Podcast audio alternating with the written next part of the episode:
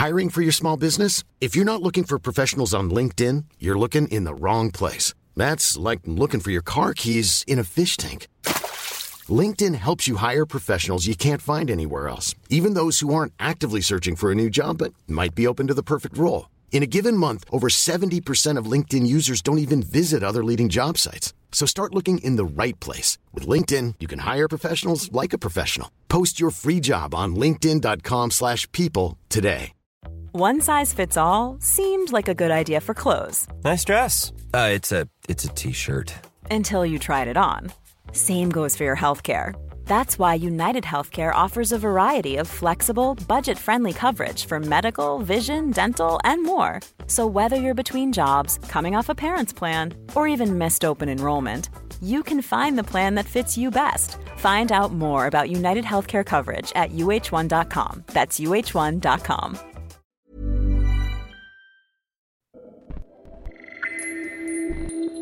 كل خلية بجسمي كانت ترجف حاسة إن أنا عايزة أخرج من جسمي. تجارب وحكايات عن الجسد والذات وما بينهما.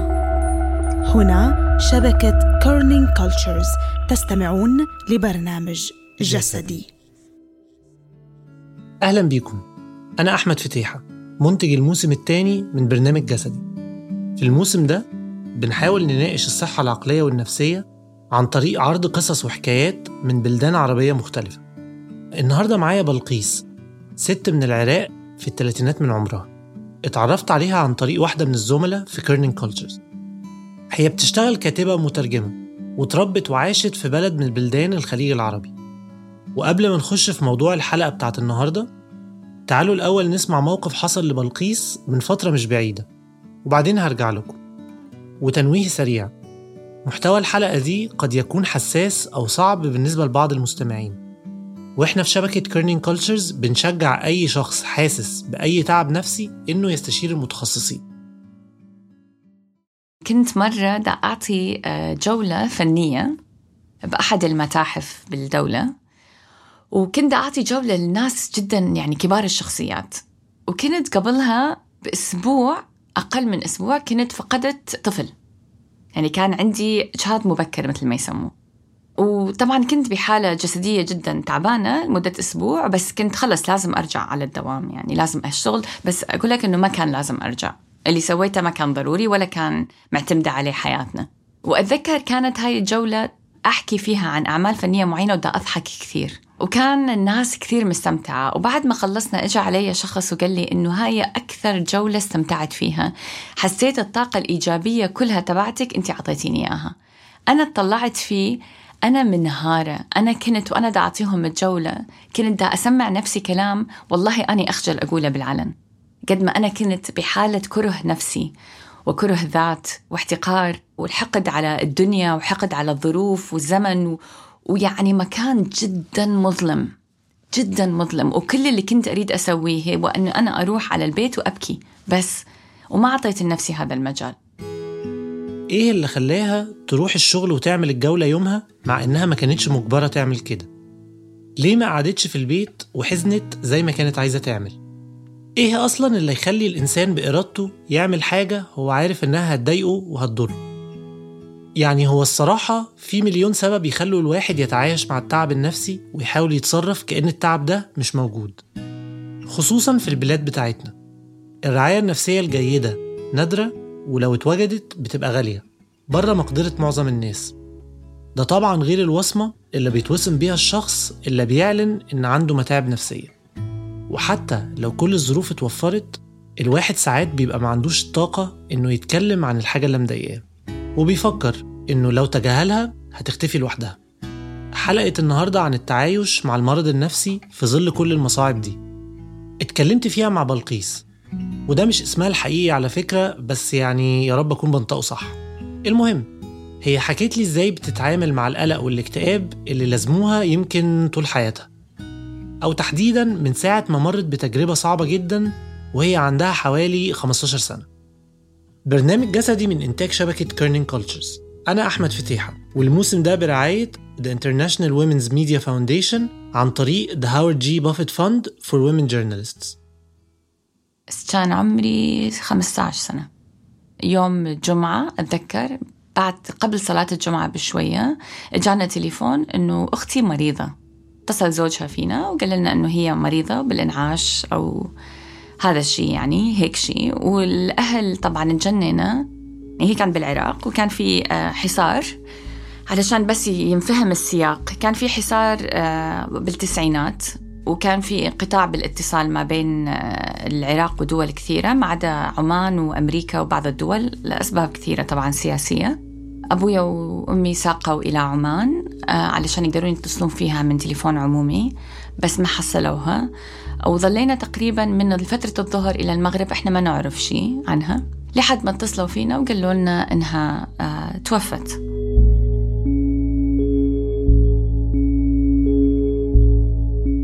بس هذا اليوم اللي كان بالسنة 96 أتذكره بكل تفاصيله. أتذكر شنو كنا بدنا نطبخ أتذكر ريحة البيت أتذكر أنا شو كنت لابسة أتذكر شامبو اللي استخدمته كنت ماخذة شاور قبل ما يجينا تليفون وكنت مستخدمة Johnson and Johnson for adults اللي هو orange اللي أنا مستحيل أقدر أشم ريحته لأنه راسا يصير عندي مثل ما يقولون يعني تلعب نفسي يعني I become nauseous لما أشم ريحته. أتذكر ريحة الأكل اللي ما أقدر اكله هسه كانوا مسوين أكلة ما أقدر آكلها هسه. أتذكر شو كانت أمي لابسة أتذكر أبوي شو كان لابس. مددت على الكنباية وأتذكر كيف كان شكل الستارة تتحرك من المكيف. طبعا انهارنا الوالد والوالدة ما انهاروا لأنه الوالد بس قرأ آية لو نبلونكم بنقص من الأنفس والأموال والثمرات فبشر الصابرين. للوالدة الذين إذا أصابتهم مصيبة قالوا إنا لله وإنا إليه راجعون. هاي الكلمة اللي طلعت من الوالد أول ما سمع إنه أختي توفت. بنته اللي هي بالنسبة إلها يقول إحنا ما عندنا مفضلين بس هاي المفضلة. فسكتوا الوالد والوالدة بكوا بهدوء وقالوا لا حول ولا قوة إلا بالله وإنا إله إنا الله وإنا إليه راجعون. وظل هذا الثيم الهادئ هو موضوع العزاء. كان هدوء هدوء بألم ذكي بحرقة بس ما كان في تعبير صارخ عن الألم. وطبعا هذا اتباعا لسنة يعني الإسلام واتباعا إلى أنه إحنا ما إحنا ما مفروض نتقبل أمر الله. وأنا هذا الشيء أحترمه كثير. الهلع كمان غير مطلوب بهيك مواقف. بس أعتقد كطفلة أنا يعني هذا الشيء خلاني أعجب بهم كثير. بس بنفس الوقت ربى عندي الرغبة أني أنا ما أعبر. يعني ما أعبر عن الألم اللي جوايا بطريقة كبيرة. بس أسويها بطريقة جدا هادئة مثل أهلي. وصارت حياتنا حياة آه، ناس فقدوا شخص جدا عزيز عليهم بس يتصرفون بشكل طبيعي لأنه الحمد لله على كل شيء. هذا الشيء إنه إحنا كلنا بكينا بس لوحدنا ما بكينا مع بعض. والسبب هو الحب. والسبب هو إنه إحنا ما نريد نأذي بعض بس أنت لما تيجي تكبر وتنظر لها بنظرة شوية نقدية لا هو اللي صار شيء كان خطأ. إحنا كان لازم كنا نحزن مع بعض وكنا مثل ما يقولون بالمسلسلات الأجنبية process it together. وأنا هذا الشيء اللي صدمني لما بلشت أتفرج مسلسلات أجنبية وأشوف إنه هم إذا إذا أي شيء صار لهم إذا تعرضوا للتنمر بالمدرسة يروحون يشوفون ثيرابيست إحنا ما عندنا هاي الثقافة لأنه هاي الثقافة كانت يعني إذا هي حاليا ب 2020 وتعتبر نوعا تابو فأنت تخيل بالتسعينات كيف كانت. يعني هذا الشيء حرام إنه أنت شنو ما مآمن بالله إذا تروح تشوف دكتور نفسي. تأثيرات اللي صار علينا كانت مهولة. علاقتنا بالبيت تغيرت صارت علاقة إنه نخاف على بعض أكثر من اللازم غير صحية. إحنا يعني حاليا نقدر نغطيه بأشياء ثانية بكلام منمق ونقدر نحاول نضحك على بعض ونقول إنه هذا الشيء ما موجود بس إحنا حاليا هي هاي حياتنا. عبارة عن سلسلة من الهلع والخوف إنه نخسر بعض. أوف فانتي شايلة الموضوع ده آه، على كتافك يعني بقالك قد إيه؟ 25 سنة مثلا أو كده آه وما بتتكلميش فيه مع أهلك أو مع إخواتك أو كده هل هل بتتكلمي مع مع جوزك في المسائل دي؟ يعني هل علاقتكم فيها المساحة دي ولا آه، كاتمة كل حاجة جواكي؟ كنت أخجل أقول إنه أنا تعبانة نفسيا أو دا أبكي أو منهارة بس أنا ما عندي سبب. يعني أنا حياتي مثل ما يقولون على الورق تمام بيرفكت زوجي جدا متفهم ويآمن كثير بالصحة العقلية والصحة العاطفية فهذا طبعا سهل إنه إحنا نتكلم عن هذا الموضوع. بس بصراحة بداية الزواج كنت أخجل. زين أنا شلون أقدر أفسر لك إنه أنا دا أبكي؟ لأنك أنت طلعت رحت شفت صديقك و... ولمدة عشر دقائق أنا توقعت إنه أنت صار لك شيء بالطريق واختفيت انتهيت. يعني شلون أقدر أفسر له؟ يعني كنت أخجل بالبداية. هسه لا كثير أحسن. ونتكلم عن هذا الموضوع بس بصراحة مو دائما أتكلم عنه لأنه في بعض الأشياء ممكن حتى تأذيه هو فأتجنبها. فما عندي أحد. طيب هل هو خجل أكتر ولا آه، يعني الواحد يعني أنا شخصيا مثلا ما بحبش أتكلم على مشاكلي والحاجات دي لأني مش عايز أبقى عبء على الناس. أنتي بالنسبة لك آه، بتفكري في الموضوع ده إزاي؟ شوف صح عندك حق. ما أحب أكون عبء. طول عمري من أنا وصغيرة ماسكة مسؤوليات أكبر من عمري وكنت أفخر بهذا الشيء وأفرح. فأعتقد فكرة أني أنا أكون عبء شيء جدا صعب بالنسبة لي سواء كان عبء مادي أو نفسي أو عاطفي. طيب هو آه، الناس اللي حواليكي سواء بقى في الشغل أو أصحابك أو كده بيبقوا عارفين آه، انت بتمري بإيه ولا انت عارفة بتعرفي تخبي الموضوع ده بتعرفي تمثلي كويس إن انت تمام وكويسة؟ أوف. ملكة التمثيل. أنا يعني أنا كان لازم أصلا أكون ممثلة. جدا شاطرة بالتمثيل بس مش الكذب. جدا سيئة بالكذب. بس أعرف أمثل. أعتقد البرفورمانس عروض يعني العرض الأدائي اللي أنا عشت حياتي كلها كان عرض ممتاز. لو كنا على خشبة مسرح كانوا والناس وقفت هسه وصفقت لي. لأنه الكثير ينظر لي على أنه أنا مثال القوة والعزيمة والإصرار والكفاح ومثال النجاح ومثال الهدوء والركازة. بس إذا دخلوا جوا راسي رح يشوفون أكيد في نجاح بس هذا النجاح ثمنه جدا عالي والإصرار جاي لأنه أنا دا أهرب من شيء والقلق هو اللي خلاني أنجح والهلع هو اللي مخليني أركض بالدنيا مدى أوقف. طيب انت لما موضوع أختك حصل آه، ما تعاملتيش معاه بالشكل يعني الشكل اللي هو المفروض انه صحي؟ يعني زي ما انت قلتي كده ما عملتيش processing ليه. وكان في كتاب حلو قريته آه، كان اسمه The Body Keeps the Score أو حاجة كده مش فاكر قوي. بس هو بيتكلم على الصدمات العاطفية وجزء منه آه، بيشرح الأثر الجسدي والصحي اللي الصدمات دي بتسببه. فقولي لي كده هو انت حصل لك حاجة بالشكل ده لسه مستمرة معاكي أو كده؟ آه إيه طبعا أنا ما كنت أعرف أكيد إنه في آثار صحية. طبعا التعليم والثقافة الصحية والأشياء كثير تغيرت بعد الويب 2.0 والإنترنت وال social media وصار عندنا exposure كثير كبير على شيء اسمه صحه عقليه والصحة الجسدية. بس أنا اللي أعرفه أنه بعد وفاة أختي أنا ال metabolism عندي كثير تأثر. طبعا ما حد قال لي هاي الكلمة وقتها بس أنا عرفتها حاليا وصار عندي weight gain هائل. وهذا الشيء ما حد فسره أنه هو كان له علاقة بالتروما اللي أنا مريت بيها. بس الشيء الفظيع اللي صار هو أنه أنا لما تزوجت ما قدرت أحبل ومدى أفهم ليش؟ لأنه كل الدكاترة اللي آه، تعرف يعني هاي لما بالمسلسلات يقولوا لك رحنا على كل دكاترة العالم لفينا الدكاترة كلها والله لفينا كل الدكاترة بدون مزح. يعني حتى رحت على بريطانيا وشفت هناك ورحت على بلدان ثانية وكل الدكاترة يجزمون إنه إحنا more than perfect فشي غريب ليش ما يكون في حمل. لحد ما رحت على دكتورة functional doctor وقالت لي إنه أنا أريد أسوي لك DNA mapping شوف أنا إلى حد اليوم أنا ما فاهمة هو شنو الاختبارات اللي سووا لي إياها بس هي كثير كثير intensive و basically رجع التقرير إنه أنا تعرضت لنوع من أنواع الصدمة ما بين عمر العشرة إلى 16 سنة. وهاي الصدمة أثرت علي سوت something وبعدين سببت قلق. المهم ملخص مفيد أنه وصلت مرحلة جسمي من ال anxiety الهلع أنه ال DNA مالتي تحول شوية. قالوا لي أنه لازم تروحين على psychiatrist وبعدين هو يقول لك إذا psychologist أو medicine فرحت شفت ال psychiatrist كلفني الموضوع يعني تقريبا 200 يعني أكثر من 200 دولار شوية. بالساعة أقل من ساعة 45 دقيقة. علشان بس يقول لي إذا أنا محتاجة أشوف psychiatrist ولا لا التأمين رفض يغطي هذا الشيء. ال recommendation إن أنا عندي أول شيء mild depression and high anxiety وال recommendation إن أنا أشوف psychologist 3 times a week.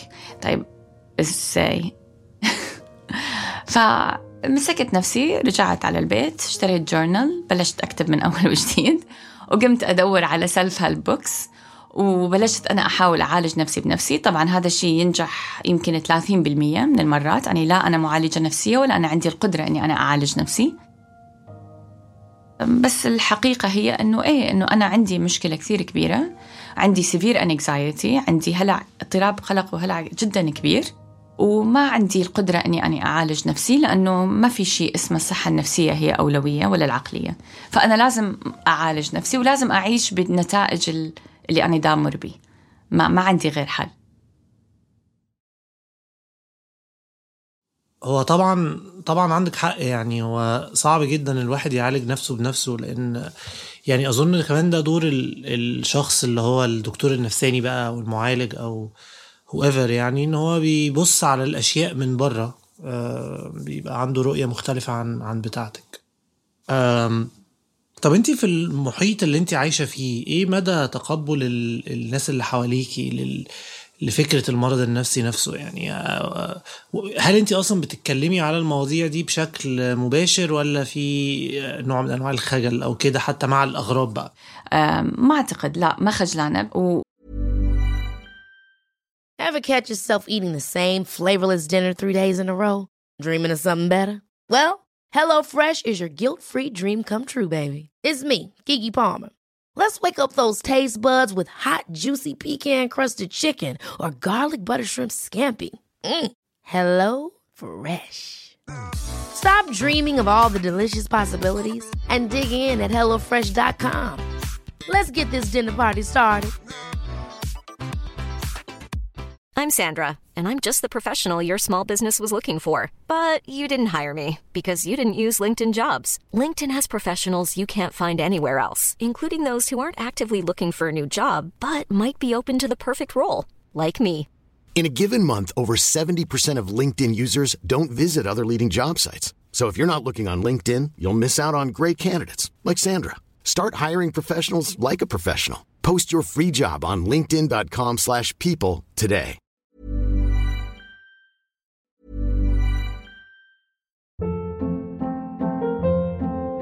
Hold up. What was that? Boring. No flavor. That was as bad as those leftovers you ate all week. Kiki Palmer here, and it's time to say hello to something fresh and guilt-free. Hello Fresh. Jazz up dinner with pecan-crusted chicken or garlic butter shrimp scampi. Now that's music to my mouth. Hello Fresh. Let's get this dinner party started. Discover all the delicious possibilities at hellofresh.com.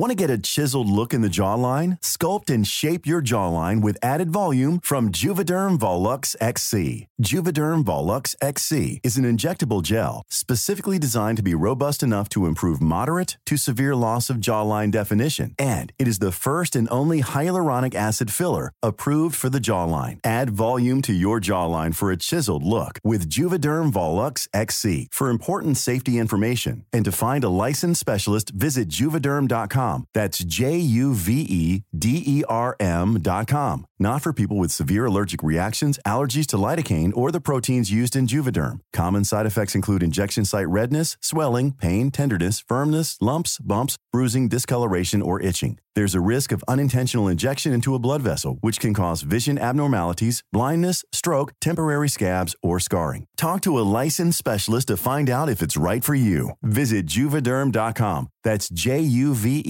D E R M.com.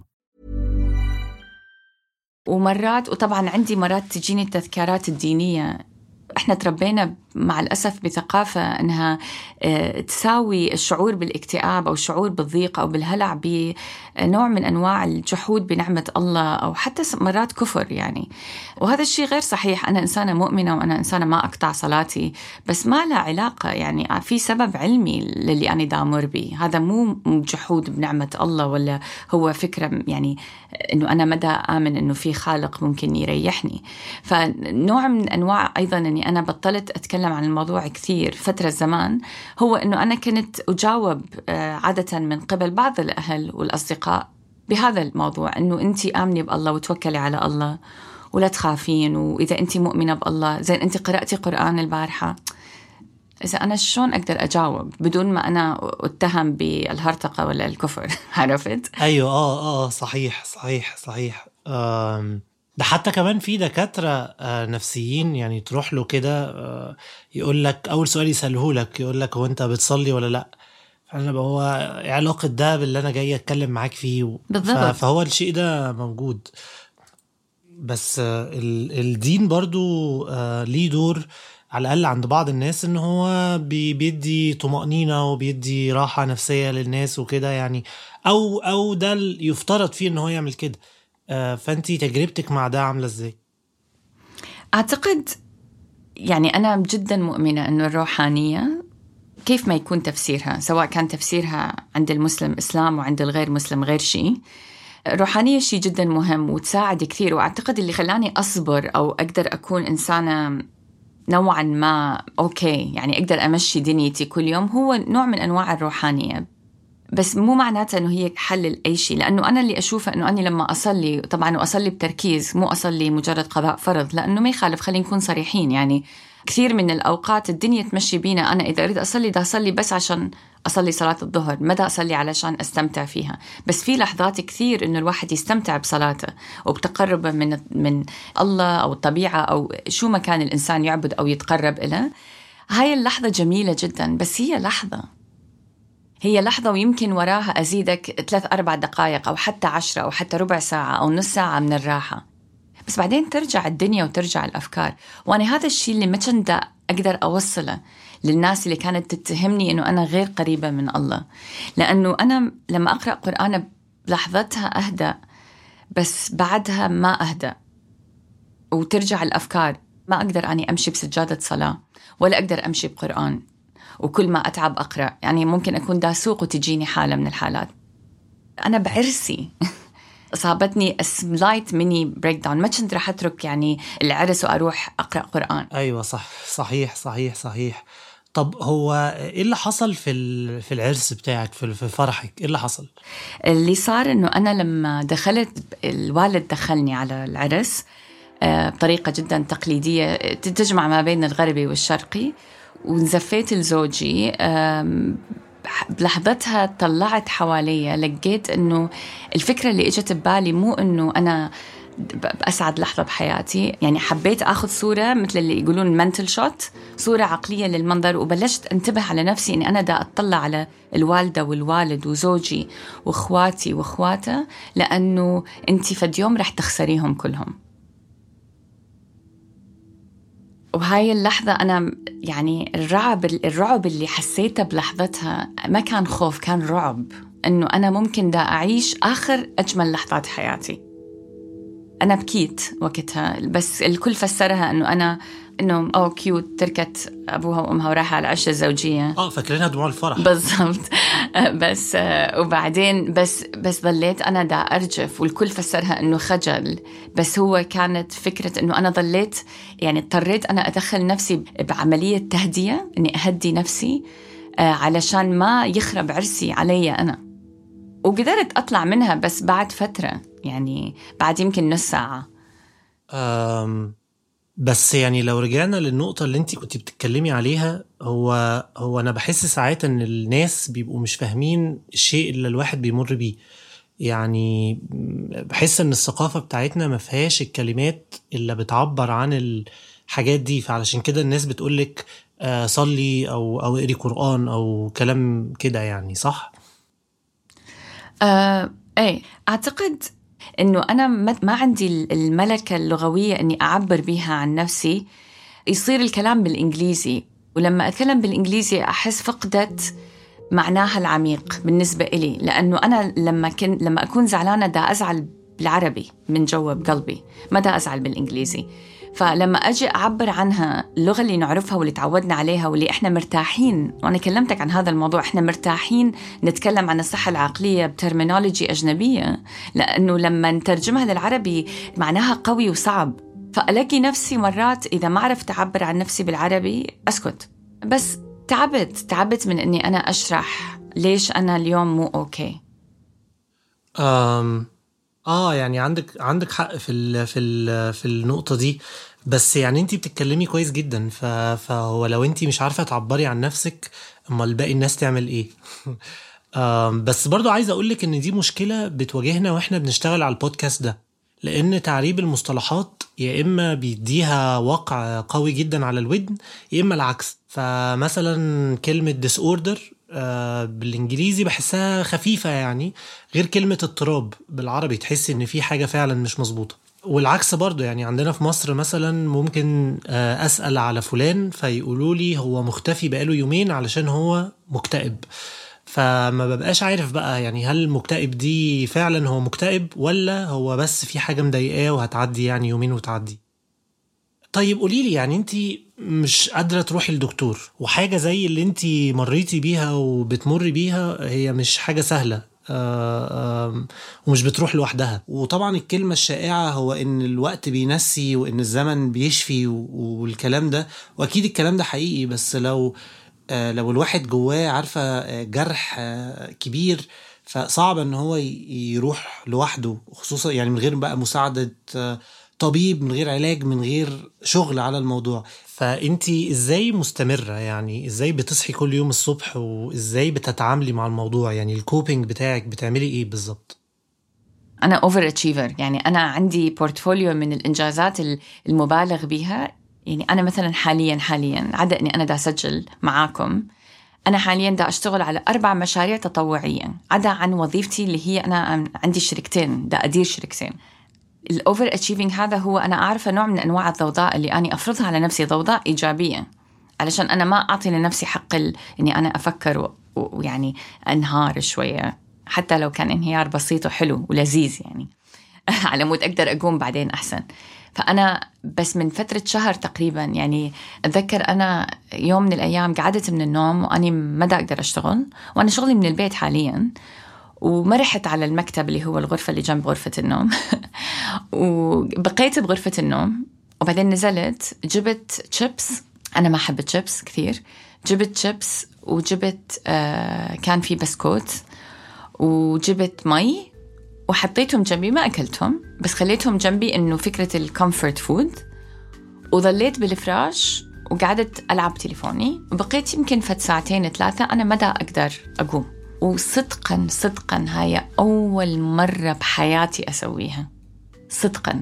يعني أنا عشت لوحدي ببريطانيا اللي هي لندن ممكن تكون يعني قمة الكآبة بالشتاء وما سويت هذا الشيء. كنت أجبر نفسي أطلع من الشقة علشان أروح أدرس علشان ما أضيع وقت. لأنه إذا بكرة متت رح أندم. أوز لا هو أنت لما تموتين على فكرة ما رح تندمين على شيء يعني. okay ما حيكون عندك الوقت تندمين إنك أنت ما رحتي على المكتبة. حاليا بلشت أستمتع بهاي الفكرة، فكرة إنه حلو الواحد يقعد شوية ويا نفسه ويقعد ويا أفكاره، بس بنفس الوقت هو ال balance صعب لأنه ممكن هاي الأفكار توديك للهاوية، فأنت شلون تقدر يعني شلون تقدر تسوي موازنة حلوة ما بين إنك أنت ترتاح وتقعد ويا نفسك وبنفس الوقت ما تنهار. هاي الصعوبة. وبنفس الوقت أرجع أقول لك أني ما عندي أحد يساعدني. وجربت ال online ال website ات الأمريكية. نسيت شنو اسمه website basically هو أنه يعرض عليك خدمات آه، دكتور نفسي آه، بال application. وكانت يعني قمة المأساة. لأنه أنا بقيت تقريبا دفعت يعني حق أسبوع أو أسبوعين. بقيت أول أسبوع بس دا أشرح شو الثقافة مالتنا وشنو السياق اللي إحنا عايشين فيه. و... ويعني إيه مرة ويعني إيه راجل هنا. يعني صعبة صعبة كانت وتجربة جدا مريرة يعني ما راح أكررها. آه بس الفكرة هي إنه ما في كوبينج أعتقد في تمثيل وفي achievements. إنك أنت تشغل نفسك من مشروع المشروع المشروع وبعدين تتحمل إنك تنهار شوية مرة كل ست شهور وبعدين ترجع تقوم نفسك وترجع تكمل. أعتقد يعني هو أسوأ يعني أسوأ نصيحة ممكن أعطيها لأي شخص. فإي أحد يسمعنا أكيد هاي مو نصيحتي لهم بس هذا اللي أني سويته. بس الحمد لله الثمن مو علاقاتي. يعني ما أعرف كيف قدرت أبني علاقات صحية مع الناس. بس مثلا علاقتي بزوجي نوعا ما صحية. والأشياء المجنونة اللي أفكر بيها براسي مرات أعبر عنها مرات لا. يعني قدام زوجي خاصة. يعني قلت خلص هو يعني شوف هو تزوجني واحتفلنا بخمس سنين زواج قبل كم يوم. فخلص هو الرجال اتدبس. عرفت شلون؟ فلازم أكون صريحة معاه. يعني ماكو بعد. بس بس بس إنه هو جدا يتفهم لما أفوت بوحدة من من النوبات الذعر اللي أمر بيها. بس يعرف يهديني. طيب وعلى ذكر جوزك هو بيتعامل معاكي إزاي؟ يعني مثلا يوم يوم ما حصل الإجهاض هو اتصرف إزاي؟ كان إيه رد فعله؟ وهل عرف يحتويكي؟ عمل إيه بالظبط؟ إيه هو يعني هم يقولوا لك إنه الكثير من الحمل ينتهي بأول حمل عادة ينتهي بمسكارج يعني تصير كثير إنه شيء مو خارج عن الاعتيادي. اللي بس اللي صار إنه أنا كنت أنتظر إني أحبل أربع سنين. وصارت طبيعي ومن الله. وكثير فرحت وانهاريت من الفرح. ما أعتقد ما يعني ما أتذكر أني فرحانة هيك فرحة قبل. فأتذكر قبل ما يعني قبل ما أفقد الطفل أنا أجتني نوبة انهيار. وكنت أبكي قدام زوجي وأقول له أنه أنا أنا إنسانة يعني بلشت أفوت panic attack ودخلت أنه أنا إنسانة فاشلة وما كملت الدكتوراه مالتي. وإذا أنا ولدت ما رح أقدر أكمل الدكتوراه بس أنا أحب الطفل بس أنا يمكن ما رح أكون أم زين يعني دخلت بأشياء غريبة عجيبة ما إلها لا تمت للواقع بصلة أبدا. بس اللي صار إنه وراها بكم ساعة عفواً قلت لزوجي إنه بليز وديني على الدكتوره إنه في شيء مو صح. فهو قال لي لا إنه أنت موعدك بعد أسبوعين. خلص يعني ليش نروح؟ حاسة في شيء أنت حاسة بشيء قلت له ابدا بس أنا حاسة إنه في شيء غلط. ورحت على الدكتورة وطلعت أنا صح ما كان في نبضات قلب. فقدت الطفل بس بلحظتها طبعا هذا الشيء أنا من أول ما حبلت هذا كان أكثر شيء دا أفكر به إنه أنا خايفة أفقد الطفل.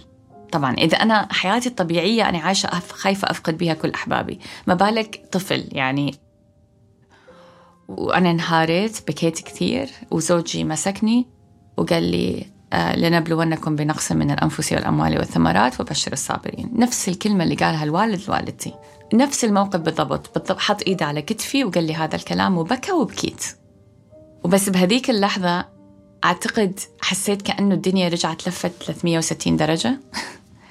ورجعت على نقطة البداية وأعتقد وقتها أنا سألت نفسي إنه طب أنت هسه عندك الحل إنه شو حتسوين؟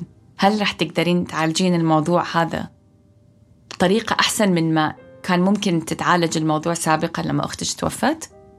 وحاولت ورحت على دكاترة ومثل ما قلت لك يعني الموضوع كان جدا مكلف وما أقدر مو باستطاعتي أبدا. يعني هو كان عندي خيار يا أما أدفع إيجار يا أما أروح دكتور نفسي. فاضطريت أيضا أني أعالج نفسي بنفسي. ورجعنا نفس الدوامة of trauma untreated. وأشياء يعني أنا بس الشيء الوحيد اللي قدرنا نسويه أنا وزوجي إنه تكلمنا عن الموضوع بإسهاب. وحكينا مشاعرنا وناقشناها بأكثر من مرة وعلى فترات. لأنه إحنا حبينا نعالج بعض لأنه ما عندنا الاوبشن الثاني. ويا ولا زلت يعني رجعت يعني كأنه ما صار شيء بس صار كثير. آه هو هو هو طبعا هو طبعا صار كتير يعني. طيب هو يعني بص مش عارف يعني الواحد لما بيمر بتجارب صعبة في حياته آه وانتي مريتي بتجارب صعبة جدا يعني اللي انتي بتحكي عليه آه ده خل... خلاكي تبصي لبكرة إزاي؟ خلاكي تبصي للمستقبل إزاي؟ هل هل فقدتي الأمل إن الدنيا ممكن تبقى أحسن ولا آه، بتفكري إزاي في المستقبل؟ صراحة حلو. شايفة بكرة حلو. يمكن أكثر شيء أحبه بنفسي إني أنا عندي آه، الأمل مالتي وقح كثير. دائما أتأمل خير ما أعتقد عندي اوبشن ثاني. شايفة بكرة كثير حلو. كيف ما أعرف؟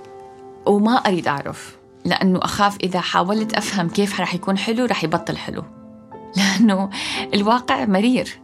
الحياة صعبة. الناس تتعاني العالم كلها سواء إذا ما كانت من أمراض وباءات فهي من حروب ومن من مجاعات وهي بلدان إحنا يعني أجدادنا من عندها وآبائنا من عندها.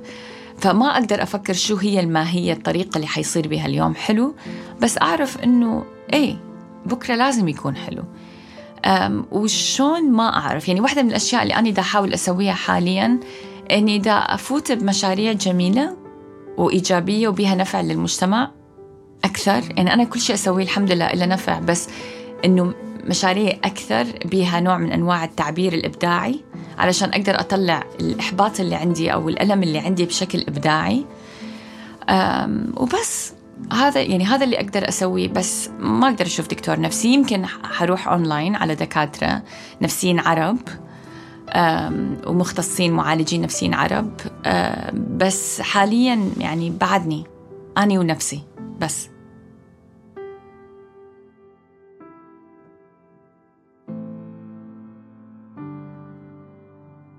الحلقة دي من إعدادي أنا أحمد فتيحة مديرة التحرير هبة عفيفي.